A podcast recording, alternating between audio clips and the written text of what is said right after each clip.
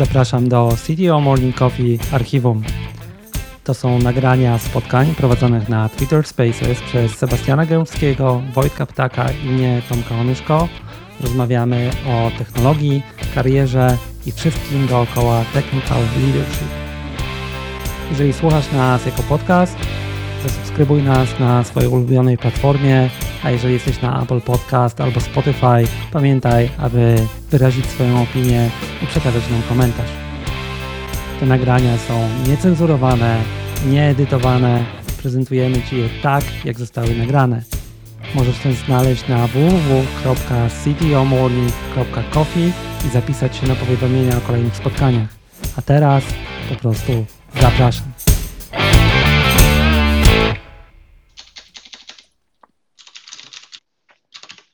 Dzień dobry wszystkim wczesnym ptaszkom.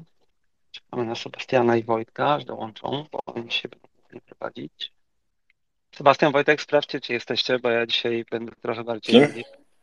Jesteście, e, możecie mówić, na wypadek, gdyby mnie odpięło, żebyście mogli dalej to prowadzić. Dobrze, możemy zaczynać. Wojtek, Sebastian, Cześć, czy się słyszymy? I bardzo się, dobrze. przynajmniej ja Ciebie i Wojtka. Fantastycznie. Cześć wszystkim. Jak tam życie?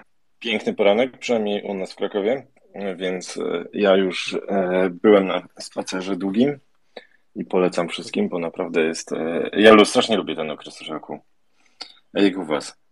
Ja też lubię i od razu takie animologie u nas w Krakowie. W Warszawie trochę bardziej pochmurno, ale słonecznie, więc spoko.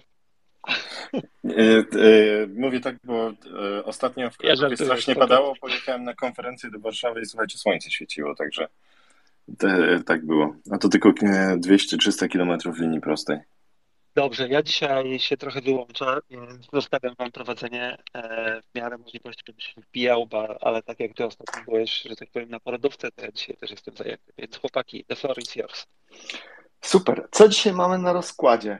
Podejrzewam, że cały świat gadał o Ethereum Merge, więc my pewnie też. No to ja się nie przygotowałem aż tak dobrze. Ej, lepsza jest Figma niż Merch, ale to wiesz, To była, to była, to była tania prowokacja. Nie, dzisiaj będziemy rozmawiać o bardzo poważnym temacie, e, czyli o one-on-one'ach. E, tak żartobliwie, jak idziemy, albo jak nie idziemy, albo jak wzywamy, albo jak nie wzywamy na dywanik, ale myślę, że to wszyscy rozumieją, zdają sobie sprawę, że to tylko takie żartobliwe sformułowanie tematu. E, I, i, I sama idea one-on-one jest troszeczkę inna, ale zanim może przejdziemy do tematu, y, garść takich informacji organizacyjnych dla tych, którzy być może są z nami po raz pierwszy. Czyli tak, po pierwsze, nasze spotkania trwają e, jedną godzinę. E, Mamy kilku moderatorów, natomiast idea jest taka, że tak, mamy temat spotkania, natomiast w ramach tego tematu spotkania wypowiedzieć się może każdy. Czyli prośba o podnoszenie łapek, sygnalizowanie nam, że chcecie zabrać głos, zadawanie pytań, odpowiadanie na pytania również. E, Każdy może wziąć udział. Oczywiście czasami może się zdarzyć, że nie zauważymy, że ktoś tę łapkę podnosi, więc prośba o to, żeby się nie zniechęcać i, i jak najbardziej z tego korzystać. To taka pierwsza, myślę, że bardzo ważna uwaga.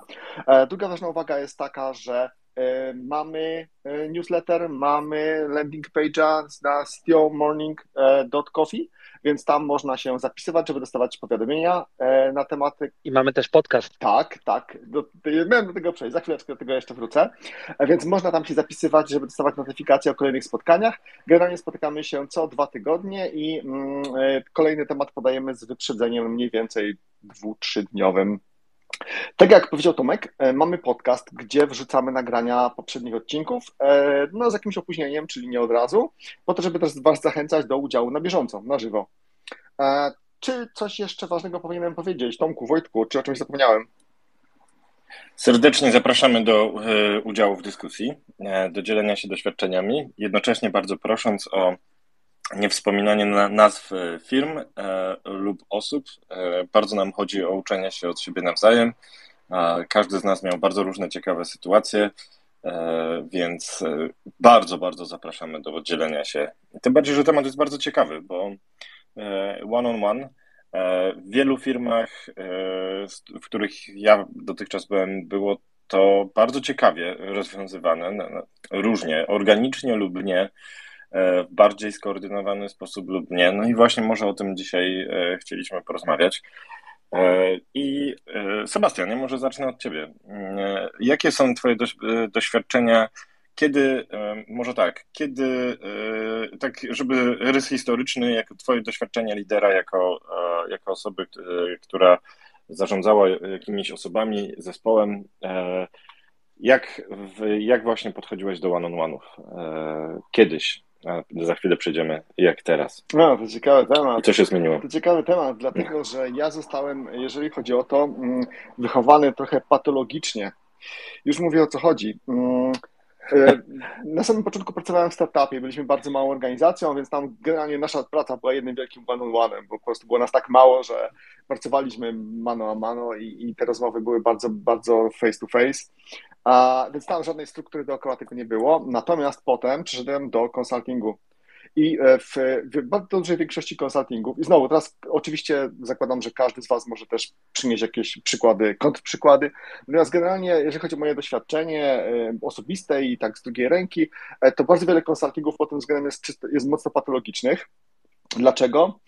Dlatego, że organizacja, która jest skupiona tylko i wyłącznie na projektach krótkoterminowych czy tam średnioterminowych, gdzie tak naprawdę ludzie trafiają z puli, która skupia się na managemencie tylko jako project managemencie, a nie na przykład people managemencie, taka organizacja, w takiej organizacji ci project managerowie, oni się nie za bardzo tak naprawdę poczuwają do tego, żeby takie one przeprowadzać. Dlatego, że mają pracownika tylko i wyłącznie na jakiś okres czasu, a potem ten pracownik wraca do puli, idzie na inny projekt, więc ciężko w ogóle taką osobę, która ma z tobą kontakt długoterminowo i może mieć na przykład takiej osoby zależeć na na tym, żeby rzeczywiście ci pomóc w jakimś career developmentie. Więc e, już do brzegu. E, moje pierwsze doświadczenia są takie, że po prostu ja tego nie miałem, nikt mnie tego nie nauczył, nikt ze mną takich one nie przeprowadzał. A wręcz przeciwnie, powiedziałbym, że jakakolwiek sugestia, czy jakiekolwiek rozmowy o tym, że coś takiego jest gdzie indziej przeprowadzane, to były zbywane trochę takim śmiechem, że no u nas, no tu jesteśmy dojrzałymi, dorosłymi ludźmi, no jak masz jakiś temat, to po prostu przyjdź. A w związku, w związku z tym powiedziałbym, że przez długi okres czasu e, to w ogóle się u mnie nie działo i te, ja się tego nauczyłem dopiero później e, w trochę innych organizacjach. Mm, I na samym początku też uważam, że nikt mi nie do końca przekazał, jaka jest w ogóle idea tych one-on-one, w sensie po co one są nikt nie ustawił takich dobrych ground rules, w związku z tym ja to musiałem trochę odkrywać po swojemu. W ogóle uważam, że to jest chyba też taki dobry, dobry temat, od którego, tu, dobry pytanie, od którego moglibyśmy zacząć. A więc y, uważam, że uczę się bardzo dużo na własnych błędach. To nie jest tak, że ktoś mi dał jakiś wzorzec metra i po prostu jechałem w ten sposób, a, tylko musiałem to sobie mm, z, zbudować. To może też oddam teraz głos komuś innemu, żeby też nie zmonopolizować ja, dyskusji. Ja może wejdę w obronę konsultingu e, na chwilę. To nie, tak, nie, nie wygląda to tak w każdym konsultingu. Tak, E, bo na przykład my mieliśmy te procesy zawsze gdzieś tam, znaczy nie, też nie od razu, nie, no ale generalnie nawet jak pracowałem wcześniej w różnego typu e, firmach, to nawet matka korporacja miała proces jakiś dookoła tego i tam jednak te rzeczy się odbywały, tak? I, I były jakieś zasady dookoła tego, żeby one się odbywały i tak dalej. E, stąd też tak jakby, okej, okay, na początku to tego nie miałem, to faktycznie też, nie, ale potem jak już zacząłem pracować w tych większych firmach, to jednak ten proces jakiś tam zawsze był, więc to chyba zależy, gdzie trafisz. Ale faktycznie e, też, no ja przyznaję, że ja też się uczyłem na podstawie tego, co wyczytałem, albo co zrobiłem, albo co ktoś mi powiedział. E, I tylko wiesz, bo jeszcze dodam do tego, bo jak mówiłeś o strukturze i działaniu w konsultingu, no, na przykład na przykładzie naszej firmy, y, y, bo są dwie różne struktury, nie? E, projektowa i management, tak jakby people management. I w projektowej nie ma jeden na jeden, no bo to są zespoły projektowe, dlatego my osobno mieliśmy zawsze już potem e, strukturę taką, gdzie był team leader, którego obowiązkiem jest robienie tego jeden na jeden.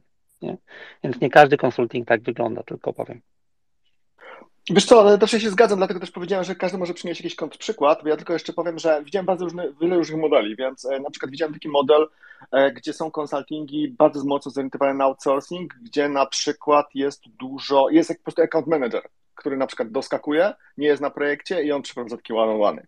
Widziałem takie konsultingi, gdzie jest na przykład tak zwany career counselor, doradca karierowy i on robi tego typu rzeczy. Widziałem konsultingi, gdzie nawet tego typu rzeczy są zrzucane na HR, więc są różne mechanizmy. Ja bym powiedział, że mm, e, z mojego doświadczenia to ich główna zaleta jest taka, że są, e, bo jednak każdy z nich to jest raczej bardziej workaroundem niż rozwiązaniem. Cześć Daniel. Daniel dołączył, więc niech się wypowie to doświadczenia, ale to chyba zależy od organizacji. Miło cię, miło cię słyszeć. E, cześć. Słuchajcie, w moim doświadczeniu w dużych korporacjach one-on-one z e, szefem są, mają jeden główny cel, żeby twój szef mógł być dobrą parasolką od e, korporacyjnego gówna nad tobą, żeby wiedziały jak, albo wiedziała, co ma przyjść, kiedy i jak i check-in, jakie ma się cele. Po, po zebraniu kilku doświadczeń w ciągu ostatnich paru lat, ten typ y, długoterminowo w moim doświadczeniu się nie sprawdza, bo dobre one-on-one z dobrym przełożonym powinny być dwa.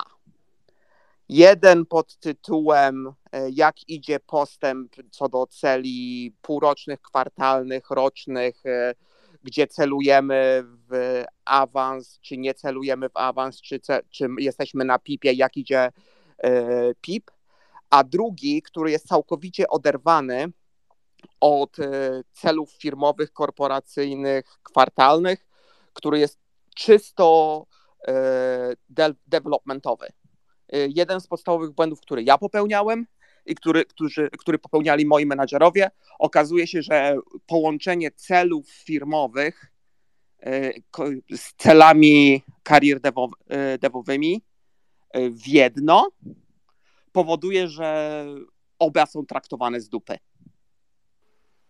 Ja chętnie do tego wrócę. Tutaj dla wyjaśnienia użyłeś słowa PIP, żeby A, wszystkim też wyjaśnić. To jest Personal Improvement, e, Improvement Plan z reguły nazywany, czyli e, plan w momencie, naprawczy. w którym. And, tak, plan naprawczy. O, ładne słowo. Plan naprawczy, tak. E, osobisty plan naprawczy. Tak. Który na przykład w sytuacji, w której na jakimś czekoncie e, kwartalnym lub półrocznym e, okaże się, że nie jesteśmy, e, nie dowozimy, no to właśnie uruchamia się tego typu, tak. tego typu plan naprawczy. Ja bardzo chętnie się do, do tego odniosę, bo to, to jest bardzo dobrze nawiązałeś w ogóle. Zadajmy pytanie, słuchajcie, mm, z naszego doświadczenia i zapraszamy wszystkich do dyskusji. Czym właśnie jest one-on-one, jaki jest jego cel.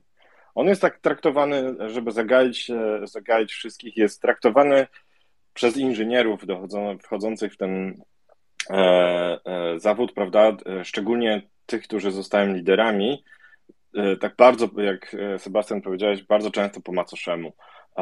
Bardzo często jest podejście, no przecież możesz przyjść, jeżeli będzie, będziesz coś potrzebować. Bardzo z drugiej strony mamy ten quiet quitting i wiemy, że y, często jest jednak za późno, żeby ta osoba przyszła do nas, e, jak, już czegoś faktycznie potrzebuje. Sebastian, ja może teraz Ciebie spytam, czym e, powinien jest i dla Ciebie powinien być one-on-one? On one? Mhm. Mi się podobał ten mental model, o którym powiedział Daniel. Ja myślę, że to, co powiem teraz, to też będzie szło zbieżnie w tym samym kierunku, tylko trochę innymi słowami. A, więc tak, dla mnie one-on-one, on one, tak jak ja sobie to wypracowałem, to jest y, okazja czy mechanizm do wypełnienia luki komunikacyjnej, która nie jest ogarniana we wszystkich innych procesach. Ja wiem, że to tak zabrzmiało sucho, już wyjaśnię o co chodzi.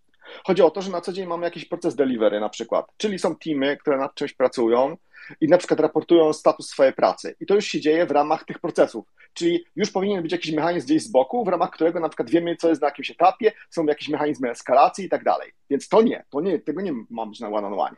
Innym takim procesem, który już powinien być w organizacji, jest na przykład jakiś performance management, czyli właśnie dawanie jakiegoś tam feedbacku e, i na przykład śledzenie jakichś e, tematów związanych e, właśnie z, z, z performance'em. Więc jak dla mnie tego typu rzeczy też nie do końca pasują do, do, do one-on-one'a. One-on-one to jest taka możliwość nawiązania pewnego osobistego connection pomiędzy, no zazwyczaj jakimś tam przełożonym i, i, i jego podwładnym, w ramach którego mogą wypełnić lukę komunikacyjną, czyli wszystkie inne tematy, wszystko inne, co się nie mieści w tych tematach, które są już ogarnięte jakoś procesowo.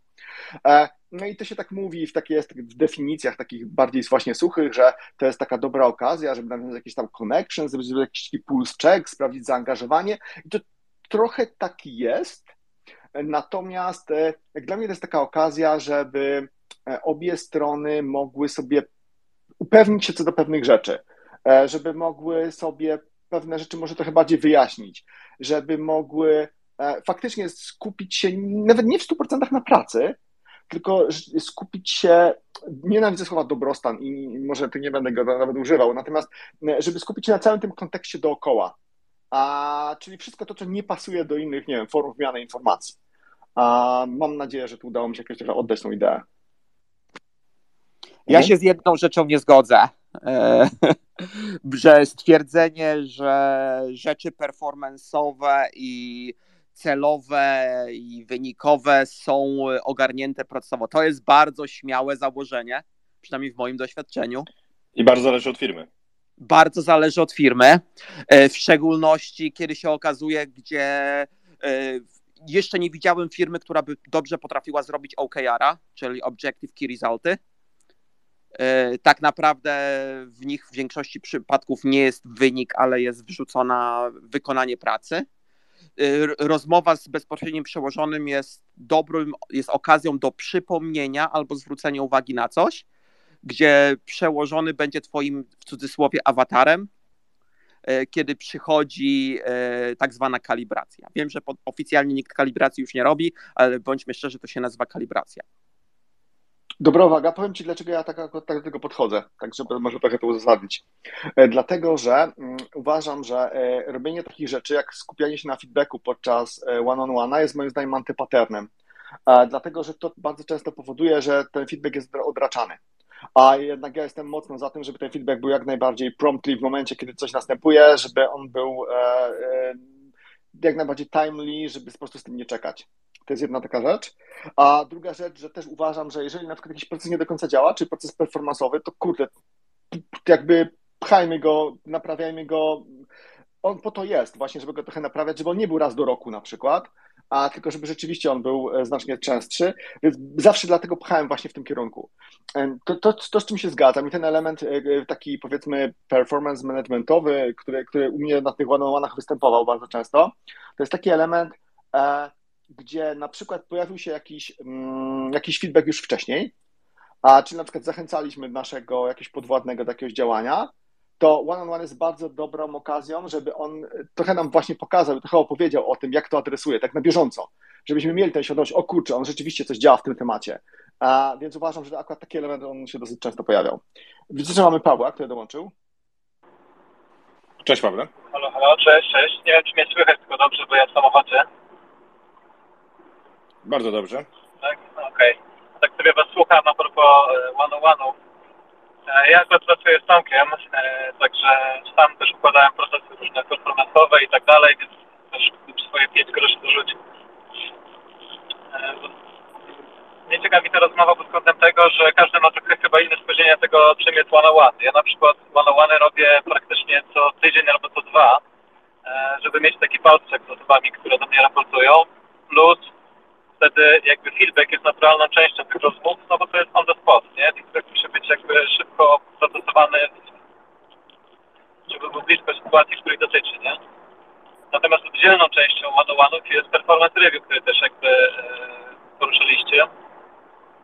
I akurat e, jak ja prowadzę e, tego typu spotkania, dla mnie performance review tak naprawdę ma jeden tylko podstawowy cel do osiągnięcia, to jest takie, żeby osoba, która z niego wychodzi, była bardziej zmotywowana niż zanim na niego wejdzie. E, bo tak naprawdę wszystkie rzeczy typu e, improvement plany, czy jakieś feedbacki negatywne i inne rzeczy powinny się zadziać dużo wcześniej. Performance review już powinno być taką trochę celebracją osiągnięć, która osoba robi i momentem na taką trochę retrospekcję tego, co się zadziało przez ostatni czas, e, dokąd jakby ta osoba ze swoim rozwojem doszła. Także ja na przykład w taki sposób rozdzielam sobie to wszystko i moim zdaniem każdy lider powinien ze swoimi osobami co najmniej raz w tygodniu, może co raz na dwa tygodnie mieć takie one-on-one, nawet na zasadzie po prostu status update'u i odblokowania osób z, z jakimiś tam tematami, które, które one mogą mieć. Ja bardzo chętnie y, bym chciał nadać strukturę, słuchajcie, tej, tej naszej rozmowie, bo dotykamy kilku rzeczy. Pytanie było, od którego wyszedłem, było o to, czym jest one-on-one. -on -one. Więc e, e, tutaj faktycznie przedstawiliśmy kilka e, aspektów. Ja bym dodał jeszcze jeden do tych, które wspomnieliście.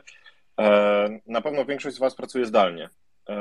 I podkreśliłbym bardzo mocno, że one-on-one jest świetnym narzędziem do budowania relacji, w świecie, w którym pracujemy mm, całkowicie zdalnie, gdzie nie, nie ma tych momentów typowych przy kawamacie, czy przy lunchu, czy wspólnie przy tablicy, czy wychodząc razem nawet gdzieś, e, których dotychczas, które dotychczas mieliśmy, ten taki team bonding. Więc e, z mojej perspektywy i doświadczenia też bardzo dobre, bardzo dobrze jest dbać o te one-to-one i pielęgnować je, żeby mieć właśnie ten to, tą strukturę jakichś połączeń zdalnych dobrze utrzymaną. Ja będę chciał przejść do kolejnego pytania. Ja myślę, tylko dorzucił jedną rzecz, wiesz, bo my to powiedzieliśmy hmm? o one-on-one'ach, ale z perspektywy ja... przełożonego. A. A jest, są jeszcze mm, pewnego rodzaju cele, które są istotne z perspektywy osoby, która jest, jest y, osobą podwładną w tej, w tej relacji. Bardzo tak, słuszna uwaga. Tak, ja, ja bym tylko wymienił parę, bo parę jest oczywistych, więc już nie będę obrażał inteligencji e, niczyjej. Natomiast e, z takich ciekawych rzeczy, które często się pojawiają, to na przykład jest zapytanie, ukierunkowany feedback na jakiś temat. Czyli właśnie rozmawiam ze swoim przełożonym i teraz odnoszę się do jakiejś sytuacji, która miała miejsce, na przykład w ciągu ostatniego tygodnia i chciałbym e, upewnić się na przykład, co ten przełożony na ten temat myśli. Albo potwierdzenie pewnego rodzaju priorytetów, które być może też nie do końca są oczywiste. E, to jest też moim zdaniem bardzo ważne. I też zapytanie o pewnego rodzaju porady karierowe. To jest coś, czego nie zrobimy przy całym zespole. To jest jakiś taki temat, który się nie jest w stanie pojawiać przy każdej okoliczności. I jeszcze bym powiedział, bo mm, my generalnie mówimy o one-on-one'ach, natomiast jest jeszcze specyficzny rodzaj one-on-one'ów, który pewnie się dzisiaj pojawi. I teraz tylko tak zahintuję na krótko, czyli to są e, skip levele. I to jest też rodzaj one-on-one'ów e, i to jest też rodzaj, mm, znowu tam jest moim zdaniem znacznie mniej feedbacku, a znacznie więcej właśnie powiedziałbym takiej trochę synchronizacji kontekstu. Może Networkingu przekazanie, networkingu tak, ale przekazanie zupełnie odmiennych perspektyw. Ja na przykład w mojej obecnej organizacji miałem skip levele nie tylko z szefem swojego szefa, ale również z szefem szefa swojego szefa.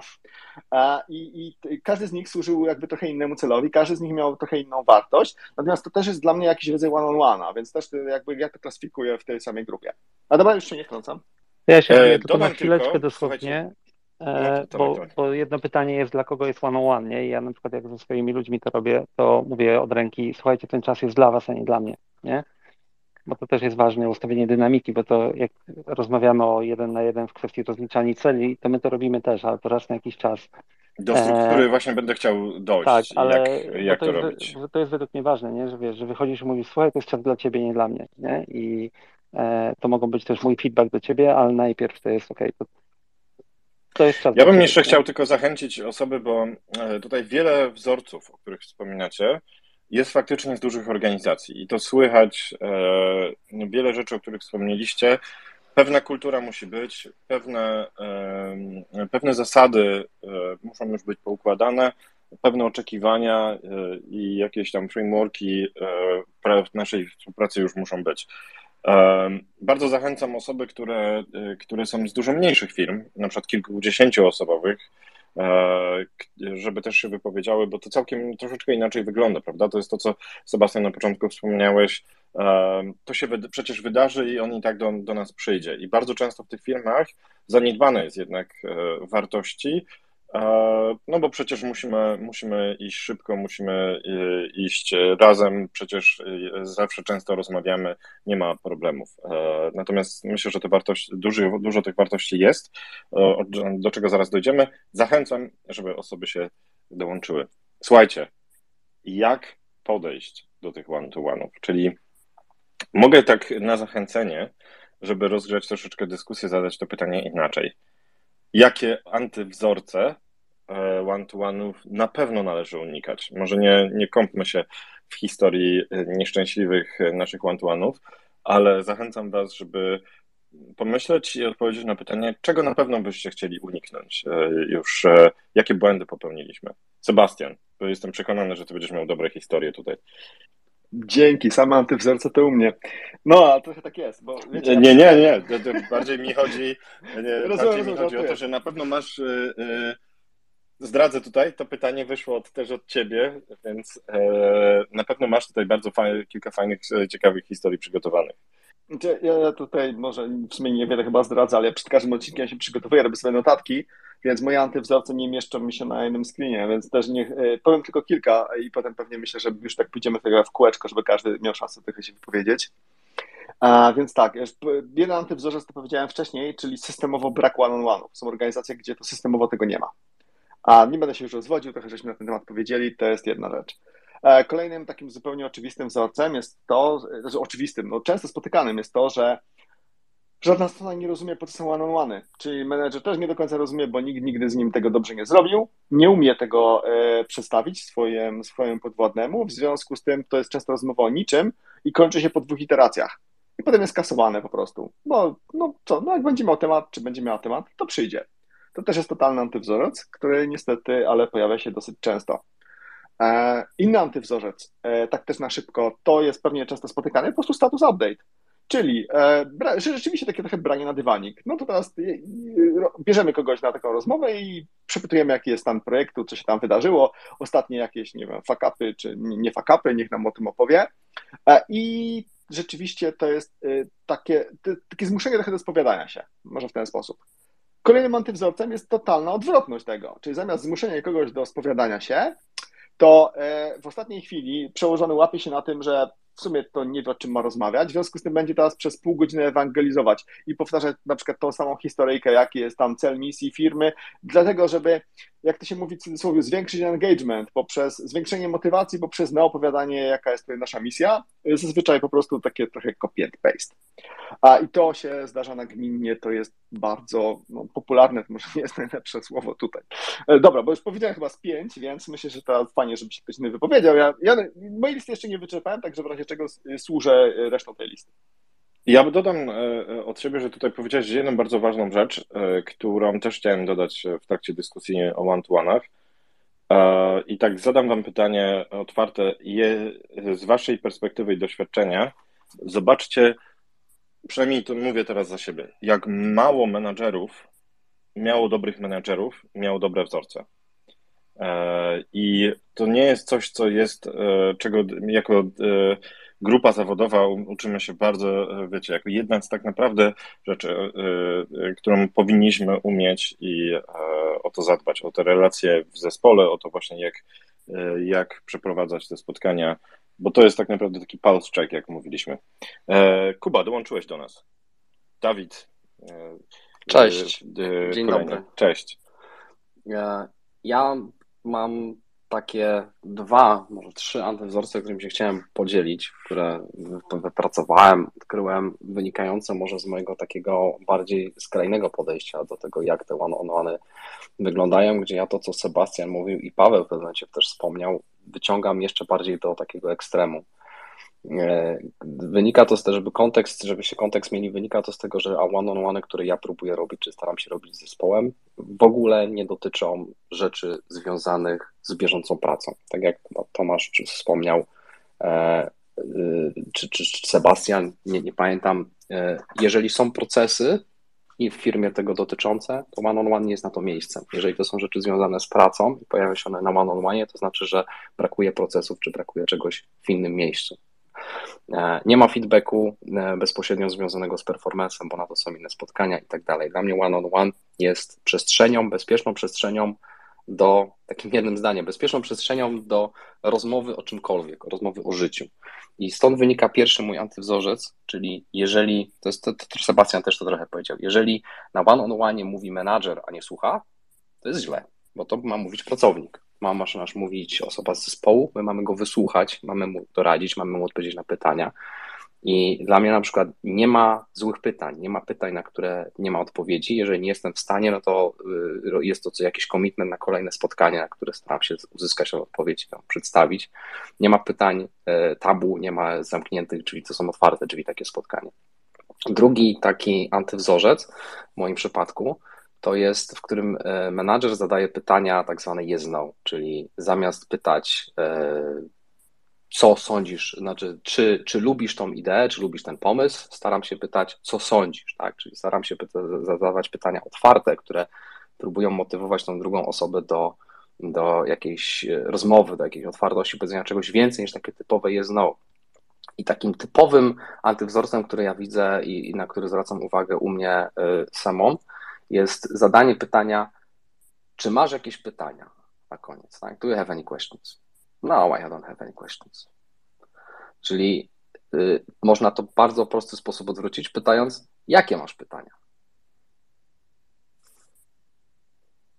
To jest taki dwa takie, dwa takie y, antywzorce, które ja staram się, na które staram się zwracać uwagę w, w trakcie tego typu rozmów. Dzięki.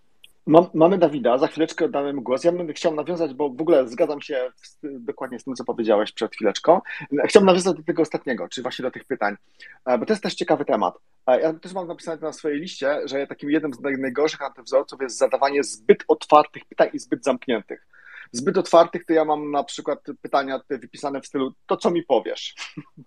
Zazwyczaj nie dostaję żadnej odpowiedzi na tego typu pytanie, bo jest po prostu źle zadane. E, znacznie lepsze jest pytanie, które rzeczywiście nawiązuje do czegoś, czyli nawiązuje na przykład do jakiejś konkretnej sytuacji, ale próbuje też właśnie wybadać, dowiedzieć się, e, jaki jest Twój stosunek do tej a tej sytuacji, co o tym myślisz, a jakie jest, być może miałeś okazję chwilę przemyśleć, e, co byś tutaj do tego tematu wniósł, co byś zmienił, czy według Ciebie jest to problem i dlaczego. E, oczywiście też nie, pewnie jeszcze nie powinniśmy sugerować, natomiast umiejętność zadawania niezbyt otwartych, ale też niezbyt zamkniętych pytań jest totalnie kluczowa według mnie tutaj podczas one-on-one'a. E, okej, okay. Dawid, oddajemy Ci głos. Cześć wszystkim, dzięki. Słuchajcie, mam tyle przemyśleń, że nie wiem, jak się podzielić. E, może naj, najpierwszym kolejnym, e, pierwszym może punktem byłoby, e, zastanówmy się i zadajmy sobie sami pytanie, jaki jest poziom zaufania i jaka to jest relacja. Wydaje mi się, że one-one będzie inny z pracownikami czy osobami, które zaczynają, a inny, które to już jest wypracowana relacja, to już jest długa relacja, to ja czasami mogę mieć i 5 minut one one albo nawet 2 minuty, jeżeli to jest bardzo wysoki poziom zaufania, bardzo dobrze się znamy. Drugi poziom, druga, druga jakby uwaga, pamiętajmy, że też jakby ktoś chciał się zagłębić w psychologię, są różne poziomy y, dojrzałości i osób, które chcą się dzielić i przekazywać informacje. Czasami musimy zacząć od bardzo dyrektywnego stylu, czyli zadać wprost pytanie i dostać odpowiedź, ale z ekspertami, z osobami, które pracują bardzo długo w organizacji, to aż, aż by raziło, jeżeli nowy menadżer czy nowy lider zadaje takie bardzo dyrektywne pytania albo nawet coachuje, więc tutaj bardziej myślę, że też trzeba rozróżniać między dyrektywnym coachingiem a, a mentoringiem, więc to też jest taki trochę głębszy poziom, żeby rozróżniać różne formy i różne style. Trzeci mój punkt to jest taki, że dużo się o tym mówi, ale feedback już jest passé. W sensie feedback już się praktycznie w wielu organizacjach, nowoczesnych organizacjach nie stosuje, bo sama jak nazwa mówi, feedback trochę odnosi się do, do przyszłości albo do tego, co było. W coraz większych organizacjach mówi się o feed forward, czyli de facto e, co zauważyłem lub co ty zauważyłeś i jak to może mi pozwolić w przyszłości być lepszym liderem, lepszym e, deweloperem, lepszym, lepszym e, członkiem zespołu. Więc wydaje mi się też, że może mniej skupmy się na tym, jak było i jak chcemy poprawić przeszłość, a bardziej spojrzeć e, w linię, w linię czasu i spojrzeć na, na po prostu przyszłość. Ostatnia rzecz, już nie chcę zbyt długo przyciągać, bo to nie wiem ile będę miał czasu antenowego, ale polecam wszystkim, jeżeli nie mieliście okazji, albo szkolenie, albo książkę, jest jedna książka Crucial Conversations. To jest naprawdę kompendium, kompendium różnych case'ów, różnych przykładów, różnych ciężkich rozmów lub lekkich rozmów, które pozwalają każdemu początkującemu menadżerowi, czy, czy doświadczonemu nawet menadżerowi, przepracować sobie, poćwiczyć sobie wiele różnych sytuacji, wiele różnych przypadków i po prostu być lepszym liderem. I ostatnia rzecz na mój koniec. Wielu menadżerów, których startuje, początkowych, stara się bardzo tak by the book, czyli one-one to 30 minut, albo godzina, albo co, co tydzień i tak po prostu wchodzi w jakiś schemat i formułkę, którą po prostu próbuje wykonać, bo chce być dobrym menadżerem. Polecam wszystkim tym, którzy mają mniejsze doświadczenie, stać się liderem, po prostu obserwować, analizować i dostosowywać się. Możliwe, że nie potrzeba wcale one-one'ów, bo codziennie rano przechodzisz przez organizację, czy codziennie rano bierzesz udział w daily i widzisz dynamikę zespołu, widzisz jak ta dana osoba pracuje, co robi, gdzie robi i gdzieś przy okazji po prostu w pewnym momencie widzicie się, spotykacie się i ostatnia, już tak ostatnia, ostatnia rzecz. Znam menadżerów, którzy niestety nie znają, co to jest e, projekcja z psychologii i wrzucają one one bez tematu, wrzucają na przykład w ostatnim dniu miesiąca, pod koniec tygodnia, w piątek o 16 one one weźcie pod uwagę, że może to spowodować trochę lekki stres i, i dużo zada, zadawanych pytań po drugiej stronie, starajmy się nie zaskakiwać, starajmy się, żeby to tak jak tu kolega wcześniej mówił, żeby to były procesy, żeby to było spokojne miejsce, żeby osoby wiedziały, że to jest takie, taki moment dla niej, dla tej osoby, i, I że to nie jest na przykład właśnie e, spotkanie z HR albo spotkanie z wami, bo to może być już ostatnie spotkanie. No niestety takie wpadki się zdarzają, więc, e, więc po prostu zadbajcie o, o komfort i zadbajcie o to, żeby też przez przypadek to nie było w jakichś takich momentach, w których niektóre organizacje robią zupełnie inne spotkania. Powiedziałeś tutaj o kilku, e, kilku fajnych rzeczach. Ja zachęcam, żeby to nie była ostatnia, ostatnia twoja ostatnia wypowiedź, e, więc zachęcamy bardzo do dyskusji. E, I bardzo, e, bardzo płynnie przeszedłeś do e, kolejnego tematu, który chcieliśmy poruszyć, czyli słuchajcie, dobre wzorce. Zanim, e, zanim to zrobimy, to ja jeszcze chciałbym dodać z mojego doświadczenia jeden ostatni taki antywzorzec, który je, wyczerpaliście moją listę, poza jednym mianowicie e, one-on-one -on -one lidera liderów. E, antywzorzec, który e, ja często widzę, to jest brak rozmowy o osobach, które są direct reportami dla naszego direct reporta. I bardzo często skupia, skupiamy się tylko i wyłącznie na danej osobie, na, na jej celach, ale zapominamy o całej szerszej organizacji. Więc e, to jest antywzorzec, który też zauważyłem, też się pojawiał, więc warto go dodać do tej listy i w związku z tym e, mieć go z tyłu głowy i jeżeli jesteśmy liderem liderów, e, to zadbać o to, żeby cyklicznie porozmawiać o, o szerszym zespole. OK, to teraz dobre praktyki. Tutaj też przygotowałem Sebastian listę, więc, ale nie chcę zaczynać. Czy ktoś z Was chciałby właśnie podzielić się dobrymi praktykami? jak w ogóle ugryźć temat one-on-one'ów, tak żeby był e, bardzo dobry, wiele wnoszący dla wszystkich stron.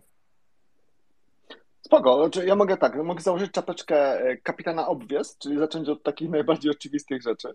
E, czyli tak, po pierwsze stała częstotliwość, czyli nie robimy tego ad hoc, jak nam się przypomni, bo się wtedy nie wydarzy, tylko to jest... I co więcej, nie, to jest też chyba nie anulujmy, prawda? O, do tego dojdę za chwilę. Ale okay, tak, dobra. E, e, regularny cadence, trzeba od czegoś zacząć i trzeba też mm, być zdolnym do adaptacji. W sensie, tu już chyba ktoś akurat powiedział, wydaje mi się, że chyba Jakub to powiedział, że jeżeli mamy nowego pracownika, to zaczynamy trochę częściej, potem z czasem to się może trochę zmieniać, natomiast na początku lepiej nawet trochę przedobrzyć niż, niż w drugą stronę, a więc ten regular cadence jest istotny. Mm, to jest jedna rzecz. E, druga rzecz, która jest e, istotna moim zdaniem, przynajmniej jeżeli, jeżeli zaczynamy, to jest też to, że e, trochę dostosowujemy się do, do też osobowości ludzi, naszej relacji z tymi ludźmi. Z niektórymi ludźmi na przykład super fajnie działa, jeżeli ten one-on-one ma formę lunchu i wtedy nawet może to być jakaś jedna godzina i tak dalej. Z niektórymi znacznie lepiej działa to w innej sytuacji, nie wiem, pół godziny, gdzieś w jakimś pokoju, gdzieś z boku to, to też czasami zależy od osobowości. A inna taka porada, którą e, ja mam, to jest dokumentowanie. Może to jest takie trochę nieoczywiste, e, ale ja zawsze dokumentuję to, co się wydarzyło i uważam, że też dobrym, dobrą praktyką, ale to nie zadziała w każdej organizacji, jest dzielenie się dokładnie tym, co udokumentowaliśmy z osobą, z którą rozmawialiśmy. E, to nie w każdej organizacji, w której byłem, to się odbywa. Natomiast to jest też fajne, bo to trochę też zwiększa ogólne zaufanie, a że e, i też upewnia nas, że mamy dobre zrozumienie odnośnie pewnych rzeczy, które, o których żeśmy rozmawiali, że jesteśmy on the, on the very same page. To jest też taki fajny wzorzec. Z takich rzeczy zupełnie oczywistych, które też bym, e, o których też bym powiedział, to jest, znaczy to jest coś, do czego się trzeba trochę przygotować. Znaczy, takie wymaganie jakieś ekscesywne, żeby mm, ktoś się bardzo przygotował do tego w ustrukturyzowany sposób, to jest trochę przesada. Ale ja na przykład zawsze mam x pytań e, czy pewne rzeczy notuję sobie na bieżąco i zawsze przed takim one-on-one'em zbieram je sobie i zadaję sobie też czasami trochę takie backup questions, jeżeli wiem, że na przykład ta osoba trochę nie siądzie, że ta rozmowa trochę nie siądzie, a żeby rzeczywiście ta rozmowa miała sens i żeby y, potem ktokolwiek z tej osoby, y, z tej rozmowy wychodzi, ta druga strona, żeby też miała zawsze odczucie, że ta rozmowa była wartościowa. Więc ja takie, takie przygotowanie zawsze po swojej stronie robię. Zwłaszcza istotne jest to dobre pytanie na początek. Niezbyt otwarte, niezbyt zamknięte. Jest też już tak na zakończenie, żeby już oddać głos innym. Jest też taka fajna praktyka, e, do której się dosyć rzadko stosuje literalnie, ale mm, jak ktoś zaczyna z one to chyba jest dobry pomysł. To jest ten taki framework 10-10-10, czy tam 10 plus 10 plus 10. Czyli, że najlepszy, podobno według niektórych one-on-one, to jest taki, gdzie przez 10 minut właśnie mówi e, pracownik, przez 10 minut mówi e, pracodawca, czy też przełożony raczej może e, tej osoby i ostatnie 10 minut to jest już bardziej na takie action point, czyli bardziej na e, ok, to co my z tym robimy, czyli jakie wnioski chcemy z tego wyciągnąć, e, na co chcemy patrzeć, czy jest tego jakiś actionable item i tak dalej, tak żeby się posuwać do przodu. A więc to jest jeszcze taki ostatni chyba punkt, który tu miałem. A, i, aha, jeszcze może taki jeden komentarz, bo tutaj też ktoś coś bardzo fajnie powiedział. E, ja też dbam o to, żeby ten one-on-one nie był za każdym razem one-on-one'em skupionym właśnie w 100% na pracy. Tylko żeby za każdym razem była to pewnego rodzaju otoczka, e, bo bardzo ważne jest ogólne zrozumienie mm, też sytuacji danej osoby, a no zawsze jest jakiś też connection z tym, z tym życiem osobistym i z pewnymi rzeczami, które mogą mieć wpływ na, na, na to, co się w pracy dzieje. Tak to z mojej strony wygląda. E, ja dodałbym, e, bo wspomniałeś o jednym bardzo ważnym narzędziu, e, o tym no, notatce z one-on-one'em. Bardzo polecam współdzieloną tą notatkę z one-on-one'em. Też mam takie podejście, jak Sebastian wspomniałeś, że uzgadniamy ze sobą, z kim możemy ją wyszerować. Nie zawsze, bo tam zasada jest taka, że spisujemy sobie dokładnie to, o czym rozmawialiśmy i wiele punktów, więc tam wiele tematów, które są dosyć może czasami e, osobiste, osobiste z punktu widzenia takiego, e, e, wiecie, mm, nie prywatne, ale osobiste przemyślenia na temat pracy i osobiste problemy w pracy, więc dobrze, żeby ta notatka zachowała jednak jakiś charakter poufny. Natomiast to, co na pewno tam też stosuję, słuchajcie, to ja sobie na, na górze tej notatki z osobami też dodaję cele, na które się umówiliśmy.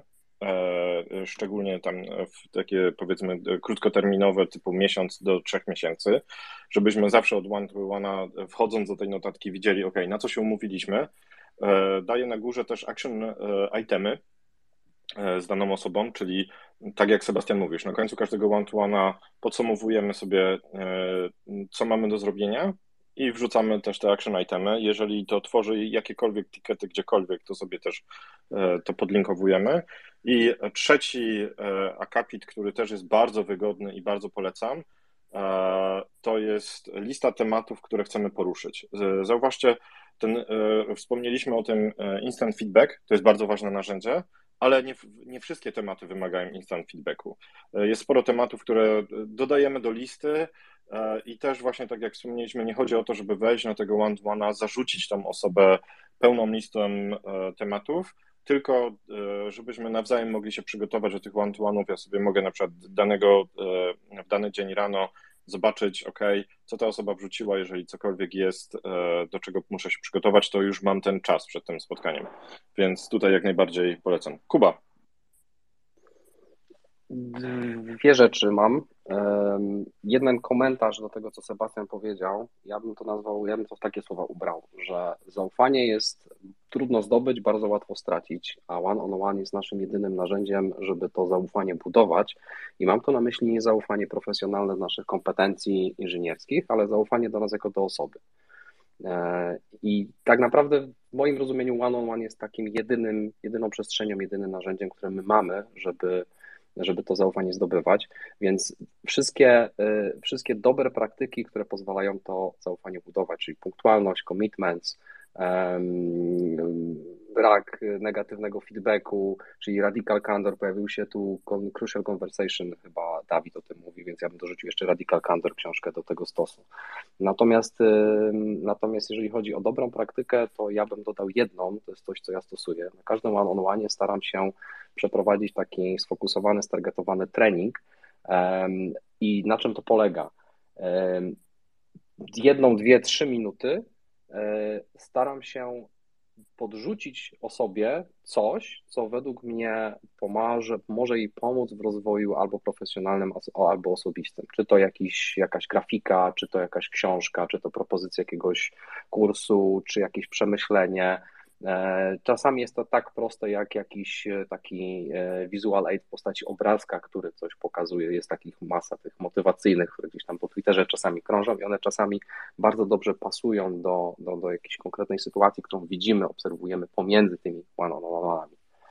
Dzięki. Mamy Pawła. Paweł chce zabrać głos. Tak, tak, słucham sobie jeszcze. Chciałem tak wrzucić trochę jedno pytanie a propos one-on-one'ów, też rozmawiamy trochę, albo raczej ja bardziej słucham może Was, e, o one-on-one'ach w kontekście takiego trochę performance review, nie? Raz na jakiś czas, tam action pointów itp. itd., nie? E, ja się zastanawiam, jak podchodzicie, e, ja mogę też powiedzieć, jak ja to robię, do tematu pod tytułem podwyżki, promocje, jakieś bonusy i te wszystkie takie twardsze aspekty też tego, które no, są niejako częścią albo mogą być też one-on-one E, ja to mogę się też... mhm, ze swojego no. widzenia powiedzieć tylko, że e, ponieważ ja akurat jestem fanem robienia takich one-on-one'ów performance'owych, takich podsumowujących e, mniej więcej tak raz na pół roku, bo to jest taki okres czasu, gdzie można faktycznie coś tam zbierać sobie, e, żeby o czymś pogadać dłużej. E, I ja ten temat e, zawsze wtedy adresuję również, nie? Typu jak się człowieka tam podwyżka ma, jakiego pensja, do tego, gdzie on jest itp. itd. Także nie wiem, jakie są Wasze tam praktyki w tym kontekście. Mam, może powiem za siebie. E, jeżeli chodzi o mnie, ja to zawsze staram się oddzielać. Właśnie między innymi dlatego, żeby każdy, kto na, takiego, na takie spotkanie przychodził, wiedział, jaki jest jego cel i był w stanie się przygotować. Bo najgorsze, co musi się zdarzyć, to jest to, że ktoś przychodzi na one on one i myśli, że to będzie taka e, konwersacja według standardowej agendy, a my tu rozmawiamy o podwyżce i w tym momencie jest przerażenie, no bo to jest coś, co będzie miało na przykład ogólnie wpływ na, na, na, na pracę tej osoby przez najbliższy, dłuższy okres czasu i tak dalej. Więc ja raczej staram się te rzeczy oddzielać. Natomiast e, wyjątek, albo powiedzmy ta sfera, której nie oddzielam, to jest właśnie to, że e, ogólnie w firmach, w których pracowałem i byłem, że tak powiem, in charge, jeżeli chodzi o tego typu rzeczy, czyli na przykład byłem CTO czy VP of Engineering, to starałem się bardzo jasno ustalić reguły, więc podczas one-on-one'ów co najwyżej rozmawialiśmy między innymi o tym, czy ktoś te reguły spełnia i na przykład co może zrobić, żeby te reguły spełnić, albo co może zrobić, żeby dane wymagania czy tam oczekiwania spełnić. Czy to już bardziej było takie, powiedziałbym, operational execution, jeżeli chodzi właśnie o na przykład te wymagania, które są niezbędne do tego, żeby tą daną podwyżkę otrzymać, czy żeby na następne na następne, e, następny poziom wskoczyć. To się wiąże z tym, co powiedział Jakub właśnie, czyli e, no, Jakub powiedział, że mm, daje hinty odnośnie czegoś, co może być pomocne w tym dalszym rozwoju karierowym, no to tu już bym to bardziej trochę sprofilował, że daje hinty, co może być pomocne przy wskoczeniu na ten aspiracyjny kolejny level danego pracownika, czy też żeby tą daną podwyżkę otrzymać, tak w skrócie. Ja jeszcze do, zaproponowałbym, e, słuchajcie, jedno e, narzędzie. E, przepraszam, Paweł, nie wiem, czy wyczerpaliśmy temat podwyżek. No, jedną rzecz chciałem dorzucić, bo tak byłem ciekawy tym, co, co Kuba powiedział, bo tu się też pojawia gdzieś tam między słowami taki temat obawy przed przechodzeniem na te one-on-one, nie? Pracowników. Co tam będzie, jaka agenda, co trzeba przygotować, z czego tam będzie ktoś rozliczany i tak dalej.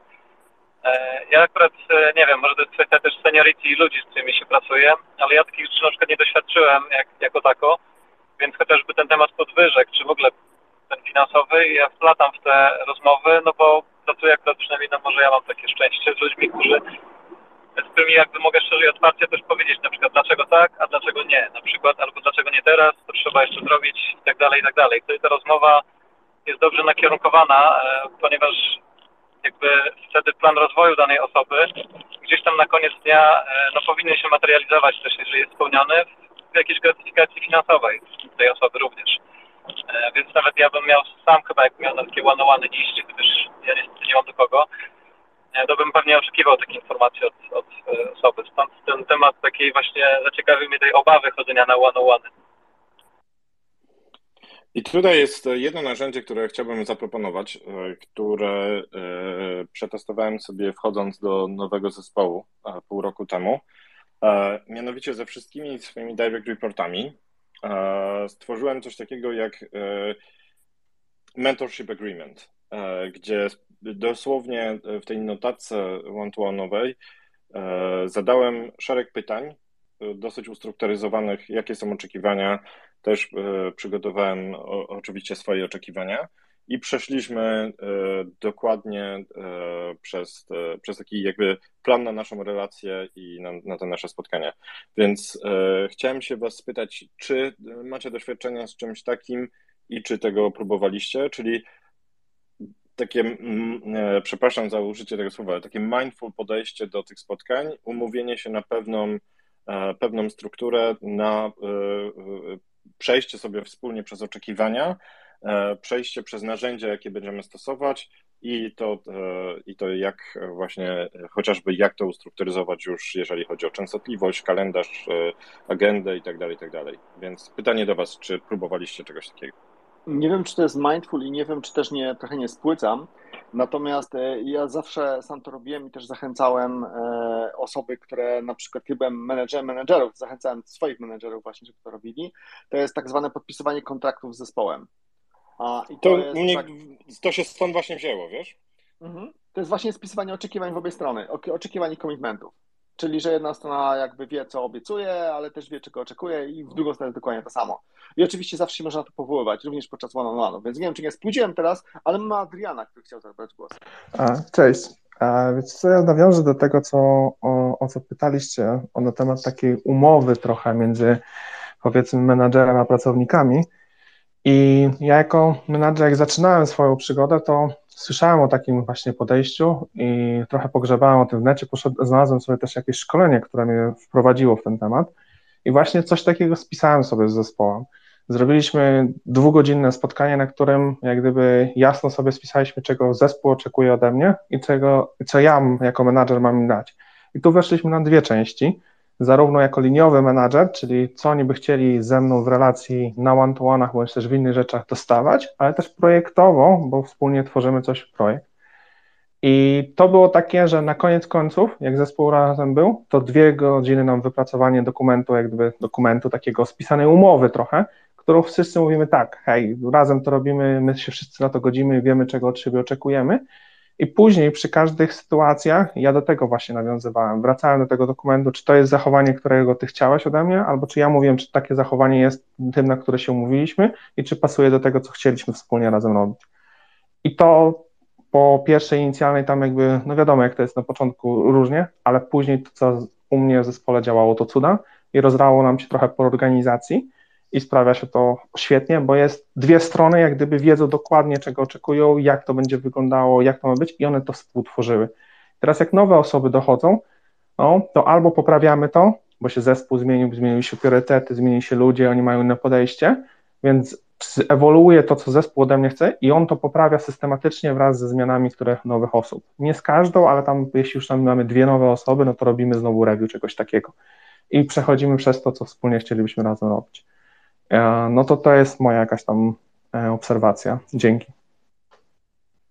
E, ja mogę tylko właśnie dodać tutaj do tego, że warto sobie przygotować wcześniej listę takich, takich pytań. Jeżeli kogo, kogokolwiek coś takiego interesuje, to proszę się skontaktować. Chętnie mogę się podzielić własną listą, ewentualnie wysłać ją w newsletterze. E, dobra, słuchajcie, zostaje nam jeszcze parę minut, e, więc produktywnie bardzo chciałbym e, skorzystać z tego czasu. Sebastian, jeszcze wspomniałeś o skip levelach. To jest, to jest też bardzo ciekawe. Jak, jak to rozumiesz? Może wytłumacz. I właśnie co ci to daje, jak, jak to stosować? No to bardzo zależy od organizacji. Moja organizacja jest specyficzna, bo jest bardzo aktualna, jest bardzo rozproszona geograficznie e, i też jest meszowa. To nie jest typowo hierarchiczna organizacja, natomiast gdzieś tam jakieś liniowe zależności są. Co to oznacza w praktyce? To oznacza, że ja mam jakąś strategiczną rolę na poziomie principal, natomiast e, mam też unikalną perspektywę ze względu na ten jakby powiedzmy wycinek e, pracy, który wykonuję ten wycinek jest i geograficzny, i trochę przez jakiś tam rodzaj klientów, jeszcze rodzaj ma jakiejś tam specjalizacji. I teraz gdzieś tam te trzy poziomy wyżej w organizacji jest ktoś, kto już podejmuje bardzo strategiczne decyzje, gdzieś tam na poziomie globalnym, i ten ktoś również potrzebuje takiego trochę field level feedback, czy tam field level kontekst. A i w związku z tym my tego typu one-on-one również mamy. I to są one-on-one właśnie między innymi po to, żeby przekazać tego typu informacje, których, tak jak wspomniałem na samym początku, nie da się przekazać w żadnym innym procesie. Żeby on mógł zadać dowolne pytanie, żebym ja mógł zadać też dowolne pytanie, żebyśmy mogli trochę porozmawiać właśnie strategicznie, żeby zastanowić się, czy na przykład moje bolączki gdzieś tutaj, gdzie ja sobie walczę, to gdzieś tam na tym zupełnym top levelu tak dużej organizacji, jaką jest Amazon, to czy, czy one mają szansę być zaadresowane? E, to służy również temu, żeby tak duża organizacja, która się aż tak skaluje, no żeby ona się gdzieś tam nie oderwała od rzeczywistości, żeby to nie było tak, że niektórzy ludzie zamknięci gdzieś tam na bardzo wysokim poziomie w Ivory Tower, e, żeby rzeczywiście nie byli oderwani od tego, od tego co, co, co dotyka ludzi, którzy na przykład pracują sobie gdzieś, to jest jakiś taki polski. A, I teraz pewnego, tam, na, przy tak, tego typu pracy obowiązują zupełnie inne wzorce i antywzorce, szczerze mówiąc. E, znowu, bo e, jak słyszycie skip level, to pewnie pierwsza rzecz, która się wam kojarzy, to czy to nie jest jakieś podpierdzielanie szefa, nie? Czy to nie jest jakieś, jakaś próba podminowania kogoś, wywrócenia czegoś stołka i tak dalej. E, no więc znowu, teraz, żeby walczyć z tego typu percepcją, to jest ileś tam różnych wzorców. Musielibyśmy mieć znacznie więcej czasu, żeby o tym poopowiadać. W każdym razie, no w moim przypadku to też były regularne, spotkania tego typu. No i też tematy, które poruszaliśmy, były specyficzne. To były mniej, mniej tematy związane z moją karierą, czy mniej tematy związane właśnie z performancem. No przy ta osoba, z którą rozmawiam, ona nie ma bezpośredniego wglądu w to, co ja robię na co dzień tak naprawdę. A, natomiast e, dużo żeśmy rozmawiali właśnie na temat leverage, na temat tego, jak możemy zrobić różnicę również na tym poziomie, na którym na przykład ja jestem, na którym ja pracuję. A, I również na temat takich, e, na, na, na tematy takie czysto organizacyjne, gdzie czasami wręcz uda, udawało mi się gdzieś tam podminowywać y, na przykład e, tą organizację, która jest, czyli na przykład takie dosyć mocno high-levelowe sposoby, e, jak nasza praca jest urządzona. E, bez tego typu wsadu uważam, że czasami jest ciężko podjąć decyzję gdzieś na poziomie VP tak dużej organizacji, jaką na przykład jest Amazon. Ja wskoczę w temat skip leveli jeszcze z innej perspektywy, no bo u nas też, znaczy ja widzę w tym inny cel, cel też, w zależności od organizacji, na przykład jak mamy trochę większą, te 400 osób, nie? No to czasami też może utknąć na poziomie, wiesz, jest menadżer, menadżer, czy wiesz, poziom teamów, nie? Jak ktoś utknie na poziomie team lidera i tak dalej, to jest, dla mnie skip level jest właśnie sposobem na sprawdzenie, taki pulse check, czy są rzeczy, które gdzieś się nie rozmyły i nie doszły, nie? No bo jednak ja rozmawiam z ludźmi, którzy są jakimiś liderami, nie? Tam jest hierarchia poniżej i też może utknąć na tym poziomie. To dla mnie też taki cel jest skip level. Ja osobiście jeszcze stosuję jedną rzecz. E, e, skip, powiedzmy, department i e, nie, w, wiecie, nie w górę, tylko w szeroko. Czyli też zbudowałem sobie taką liczbę osób, listę osób, z którymi chciałbym się regularnie spotykać które są na podobnej pozycji e, w równoległych e, departamentach. I to też bardzo fajnie działa, więc do tego też zachęcam, żeby spróbować coś takiego. Bardzo wiele, pomy- wiele pomysłów, które gdzieś mieliśmy przez ostatnie miesiące, też się urodziło podczas tego typu spotkań. To jest więc dobry pomysł, bardzo zachęcam. Nawet nie tylko z osobami na równoległych rolach, ale pamiętam, że kiedyś pracowałem w jednej firmie, miałem też tego typu regularne spotkania z osobami z zupełnie innych departamentów, na przykład biznesowych. Właśnie po to, żeby mieć taki trochę puls check odnośnie tych problemów ich takich, że tak powiem, życiowych na co dzień. E, I ja wtedy pełniłem tam rolę architekta i dla mnie to było mega wartościowe, żeby rozumieć również tak e, średnio i długofalowo właśnie ten impact tego, co my robimy na ich codzienne bolączki, ich codzienne, e, na jakieś tam priorytety. Mhm. Słuchajcie, czy jeszcze jakieś dodatkowe przemyślenia, tematy na koniec? Zostało nam pewnie około półtorej, półtorej minuty. Myślę, że chyba kończymy powoli, bo ja też mam tak pewnie z 50 różnych antypaternów, ale to byśmy potrzebowali jeszcze jednej godziny, słuchajcie na to. No, myślę, że temat jest, e, jest bardzo ciekawy. E, dla przypomnienia tutaj padły dwie książki, które na pewno polecamy, czyli Radical Condor i Crucial Conversations. Kuba, jeszcze podniosłeś? Ja mam jedno pytanie, które chciałem zadać na samym początku, ale, ale nie zadałem, takie bardziej do przemyślenia. E, ono trochę wynika z tego, co, co, co na początku pierwszy, pierwszy z gości powiedział odnośnie pracy z, mm, e, z, z consultingiem, z, z firmami takimi software house'owymi pracującymi w outsourcingu. Jak podchodzicie, czy jak byście podeszli do one-on-one'ów w sytuacji, kiedy pracujecie w modelu body leasing i macie zewnętrzny zespół 7, 8, 10, 12, 20 osób, dwa zespoły. I to nie są osoby pracujące projektowo, tylko wchodzą w część zespołu waszego. Czy one-on-one jest rolą waszą, czy powinna być dodatkowa osoba, która jest w zespole z zewnątrz od dostawcy, od suppliera, która te one-on-one i guidance i mentoring robi? To jest twój zespół i ty z nimi robisz jeden na jeden. Oni są wtedy od strony suppliera, to tam jest administracja, takie rzeczy, nie? Ale e, to wtedy moja, moja rekomendacja była taka, buduj swój zespół z tych ludzi. Bo oni od strony suppliera będą mieli wtedy tylko, wiesz, sprawdzenie godzin, podwyżki tego typu rzeczy, a, ale ty masz swój zespół, nie? Więc ja bym podchodził do tego, że ty masz swoje one-on-one, jeżeli oni mają swoje w swojej organizacji, to jest już tamta strona. Zgadzam się. Dodam tylko jedno słowo, że różni są supplierzy. E, widziałem różnych supplierów, współpracowałem z kilkudziesięcioma supplierami. Wydaje mi się, że to też jest, zależy od suppliera, ale tak, im więcej zrobimy dla tych ludzi i im bardziej ich będziemy traktować jak naszych, jak naszych członków zespołu, tym dłuższa relacja i tym lepszy performance. Tak, potwierdzam. Strasznie fajny temat, tylko tak jeszcze dodam, że tak naprawdę niestety jesteśmy ograniczeni tym, że y, duża część tematów, które oni mogą przynieść, nie możemy z nimi nic zrobić. To jest niestety problem. E, jeszcze taka obserwacja, już bez może oceny, czy bez tego, co ja robiłem, to w tej sytuacji, które ja widziałem z boku, dokładnie takie, to w 95% tego typu one nie były robione. Ale to może akurat wiemy MPH. I tym miłym akcentem e, zachęcamy do dołączenia do nas już za dwa tygodnie. E, I życzę Wam e, serdecznie miłego piątku i miłego weekendu. E, trzymajcie się zdrowo. Trzymajcie się bardzo, jak zawsze bardzo miło było porozmawiać. Dzięki wszystkim. Nagranie za jakiś czas na podcaście.